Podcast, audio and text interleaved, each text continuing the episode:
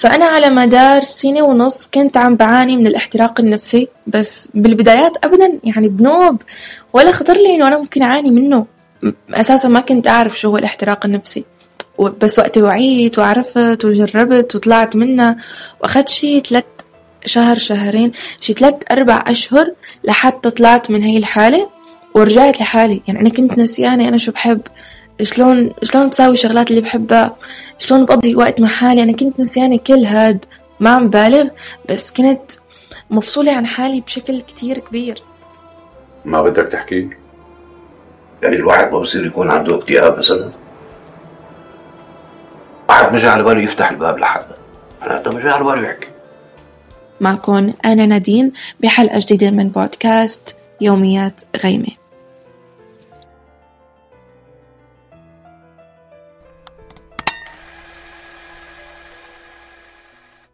فكرة إنه أنت تكرس وقتك كلياته على مسؤوليات معينة سواء هالمسؤوليات كانت بعمل مأجور أو غير مأجور إن كنتي أم إن كنت طالب أي مسؤوليات أنت كتير عم تعطيها وقتك ما عم بتخلي وقت لنفسك فأنت هون صار في شوي نوقف لأنه ممكن يكون معك احتراق نفسي. شلون فيني أعرف إنه أنا عم بعاني من الاحتراق النفسي؟ علما إنه كلياتنا نعرف قديش أنفسنا مهمة. قديش شعورنا مشاعرنا أفكارنا كلياتها جدا مهمة إنه تكون بحال أفضل. ما عم بقول إنه تكون حال ممتازة وما فيها شيء. يعني نحن بالأخير آه، حالنا دائما متغير. ممكن نكون بحال سيء جيد ما بنعرف شو ممكن يكون معنا وبأي حال نحن رايحين. بس مهم إنه نحن نكون واعيين شو عم بيصير فينا؟ شو منحس شلون عم نقطع وقتنا ولا شو عم نعطي؟ من بداية الأمور يلي ممكن تشعر فيها في الاحتراق النفسي اللي هي الإنهاك ولكن بتكون منهك بطريقة ما طبيعية. يعني ما بنهاية النهار بتكون تعبان لأنه كان يومك طويل وفيه دراسة وتعب وشغل لا. أنت بتكون منهك على مدار 24 ساعة مانك حسنان ترتاح لأنه أنت عم تستنزف طاقاتك العقلية الجسدية والنفسية على شيء معين. ما بالضرورة هالمسؤوليات تكون شيء واحد. ممكن أكثر من مسؤولية بس إنه أنت ما عم تعطي وقت لحالك. شو بك؟ تعبت. تعبت ورد. حاسة ما عاد قدرانة أكمل. تعبت من كل شي. ولا حدا من اللي حوالي مقدر اللي أنا فيه. ما عم بتفرغ طاقاتك السلبية على شي بي يعني بمتص هي السلبية كلياتها. أنت 24 ساعة عقلك تفكيرك كل شي بس على هي المسؤوليات. وهالشي أبدا ما صح. يعني تخيل إنه أنت يكون هدفك بالحياة هو شي واحد.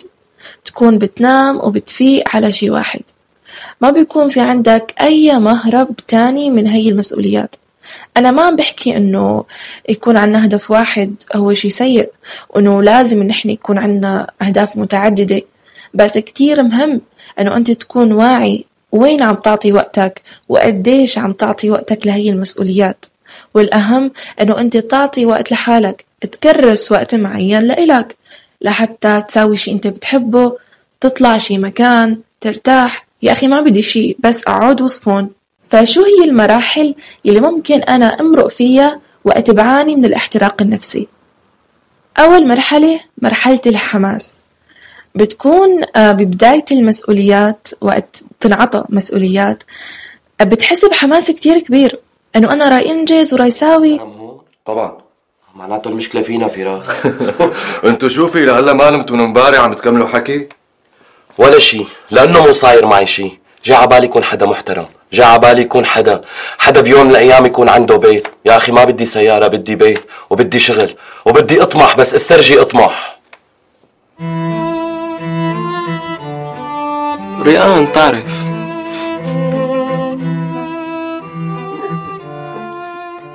أساسا نحن كبشر وقت بتتعطانا مسؤوليات آه، وبدنا نبدأ ننجزها بنحس بطاقة عالية شوي بشعور عالي كفاءة. إنه أنت مقابل إنجازك للشي عم تشعر بطاقة إيجابية تجاه هالشي هذا لأنك أنت أنجزته. فأنت هون عم بتكون عم تشعر بالحياة. بشكل أو بآخر لأنه في كتير شغلات تحسسنا إنه نحن عم نعيش من ضمنها إنجازنا لعمل ما. فأول شي بتكون جدا متحمس وما عم يعني بتكون شي شبه أعمى إنه أنت ما عم بتشوف لقدام شو ممكن يصير فيك.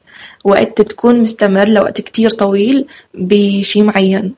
بعدين بتيجي مرحلة الركود إنه أنت على ذات الحال وعلى ذات الوتيرة لمدة طويلة بذات يعني مثل عم بقولك إنه أنت عم بتكون مكرس حياتك كلياتها لشي واحد.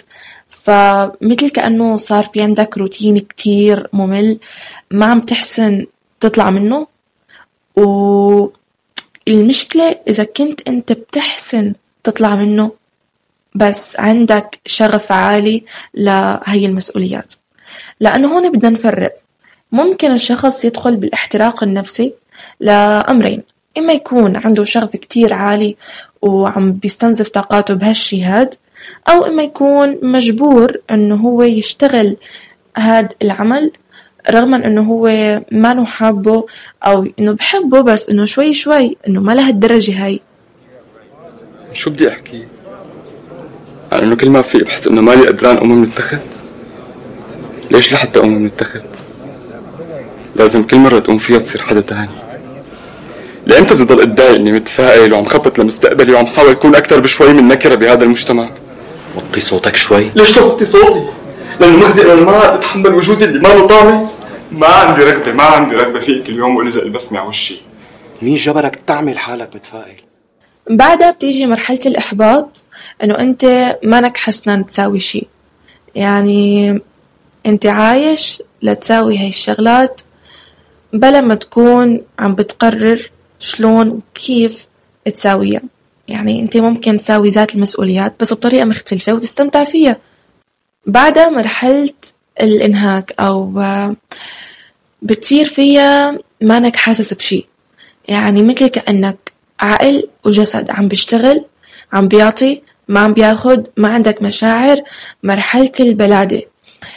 فهي من أكتر المراحل اللي فيني أقول فيها تقريبا أنت وصلت مرحلة الاكتئاب. ما فيني أجزم بهالشي هاد لأنه الاكتئاب هو حرفيا مرض نفساني ما شي كلمة بتنقال. وكلنا أوقات بنحس إنه نحن مكتئبين وعنا اكتئاب واكتئاب وما بعرف إيشو بس الاكتئاب ما شي سهل بنوب وله كتير مراحل. ولكن أنت هون بتكون وصلان لمرحلة إنه ما عم تاخد ولا عم تعطي. أنت بس عم بتعيش كشخص يعني فيني أقول رجل آلي تقريبا هيك.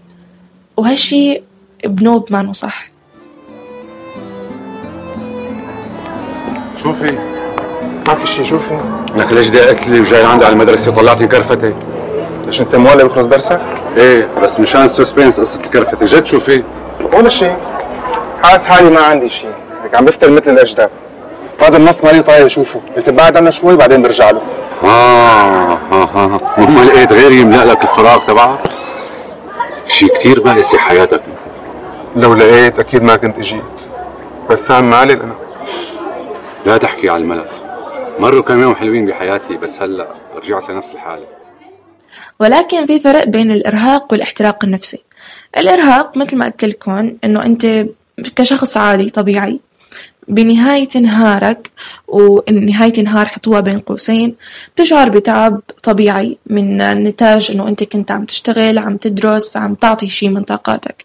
ولكن الاحتراق النفسي أنت بتكون على مدار يوم كامل ما عم تحسن ترتاح غير إنه أنت بيكون في عندك حالة من الإنكار.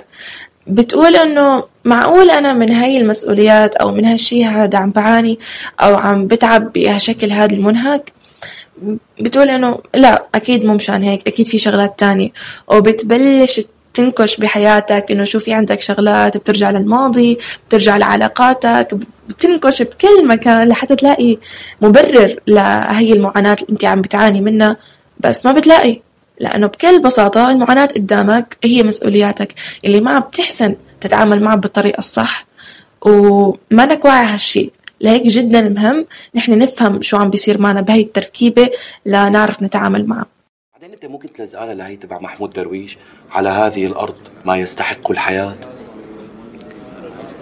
إيه. ولليوم ما طلع معي ولا شيء.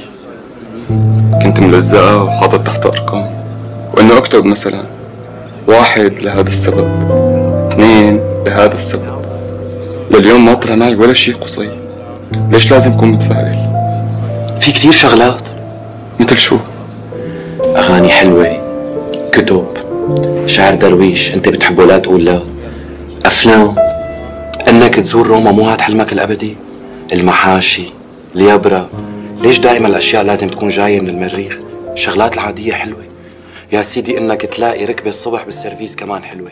شو بدك؟ كمل. من الأمور اللي ممكن تساعدنا لنحن نتشافى من الاحتراق النفسي بعيدا عن خطوتين جدا مهمين وشغلتين بديهيين اللي هن الوعي بهي القصة. إنك تحب ذاتك لأنه إذا ما حبيتك فأنت ما حيكون فارق معك شيء. من ثالث أهم الأمور إنك تفصل حياتك. هلأ طبعا هني ما جايين على الترتيب مكرسين بس إنه هيك بالنسبة لإلي بشوفهم. أه شلون تفصل حياتك؟ حياتك ما محورة حول شيء واحد أنت في عندك أكثر من شيء بالحياة الجانب الاجتماعي والنفسي والجسدي وغيره من الأمور التانية. فأنت حسين اعطيك كل جانب من هالجوانب طاقة معينة مناسبة لإله. يعني من الشغلات اللي ما نصح إنه أنت تروح على ناح واحد وتعطي كل شيء عندك فيه. هون بصير في عنا ما في توازن. فهالشي بيؤدي على إنه أنت تكون صحتك النفسية معناك منيح. ومن أهم الأمور الصحة النفسية مثل ما قلنا. مهم جدا إنك تفرق بين أهدافك. لأنه نحن أوقات وقت ما نحط أهداف ما بنكون واقعيين زيادة. أنت لازم تكون واقعي. لأنه في أهداف بتكون واقعية قدران تحققها حتى لو بعد مدة شوي طويلة. وفي أهداف خيالية ووهمية. أنت ما راي تحسن. تحققها لأنه لا بقدرتك الشخصية ولا ممكن الجسدية ولا بالعقلية. أنت بشكل من الأشكال مانك حسنان توصل لإلها. بتكون جدا خيالية أو بدها كتير سنوات لحتى توصل لها. فبتكون عم تشتغل عم تشتغل وبتركض وراها رغم إنه هي صعبة المنال. ما عم بحكي هون إنه كل شي مستحيل وفي كتير شغلات مستحيلة بالحياة. بالنهاية أنت أدرى بأهدافك وشو عم بتساوي. بس آه، كون واعي وقت بتحط أهدافك. أو على الأقلية إنه وقت عم بتحط أهدافك ما تتحمس زيادة. يعني هي دائما بقولها إنه وقت بدك تحط أهدافك للشهر أو للسنة الجديدة ما تكون كتير متحمس وقتها. كون هيك رايقة شوي آه، معك عقل منطقي.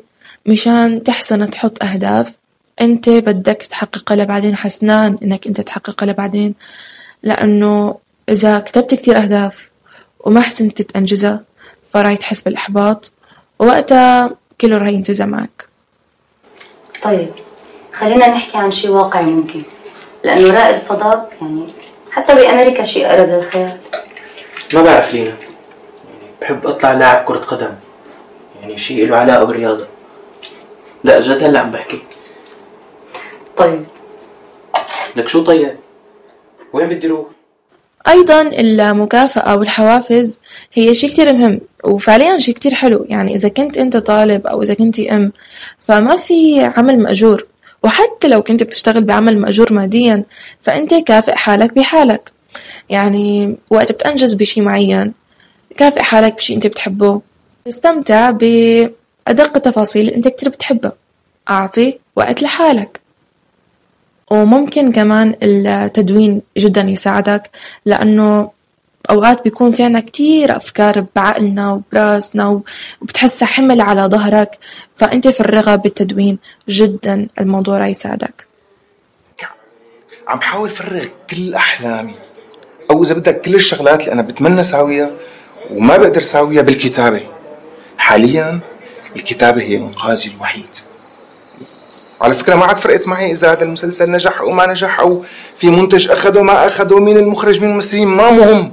عم بحب إنه أنا عم أكتب. هيك. هيك عم عم بعيش مع الشخصيات و... وعم بضحك و... فيك تعمل اللي بدك إياه على الورق. وبدون اطراف يعني أنت عم تكتب كل شيء كل شيء بدك إياه تماما؟ تماما. بدون أي رقيب ولا رقيب؟ لا مو لهي الدرجة يعني بالنهاية هذا مسلسل بالأخير ما فيك تكتبه بدون رقيب مو على أساس إنه أنت مالك مهتم إذا في هي نسبة يعني هي نسبة. حتى الوراء إيه طبعا حتى الوراء تسمعوني بالحلقات الجاية معكم أنا نادين من بودكاست يوميات غيمة من برنامج أجندة.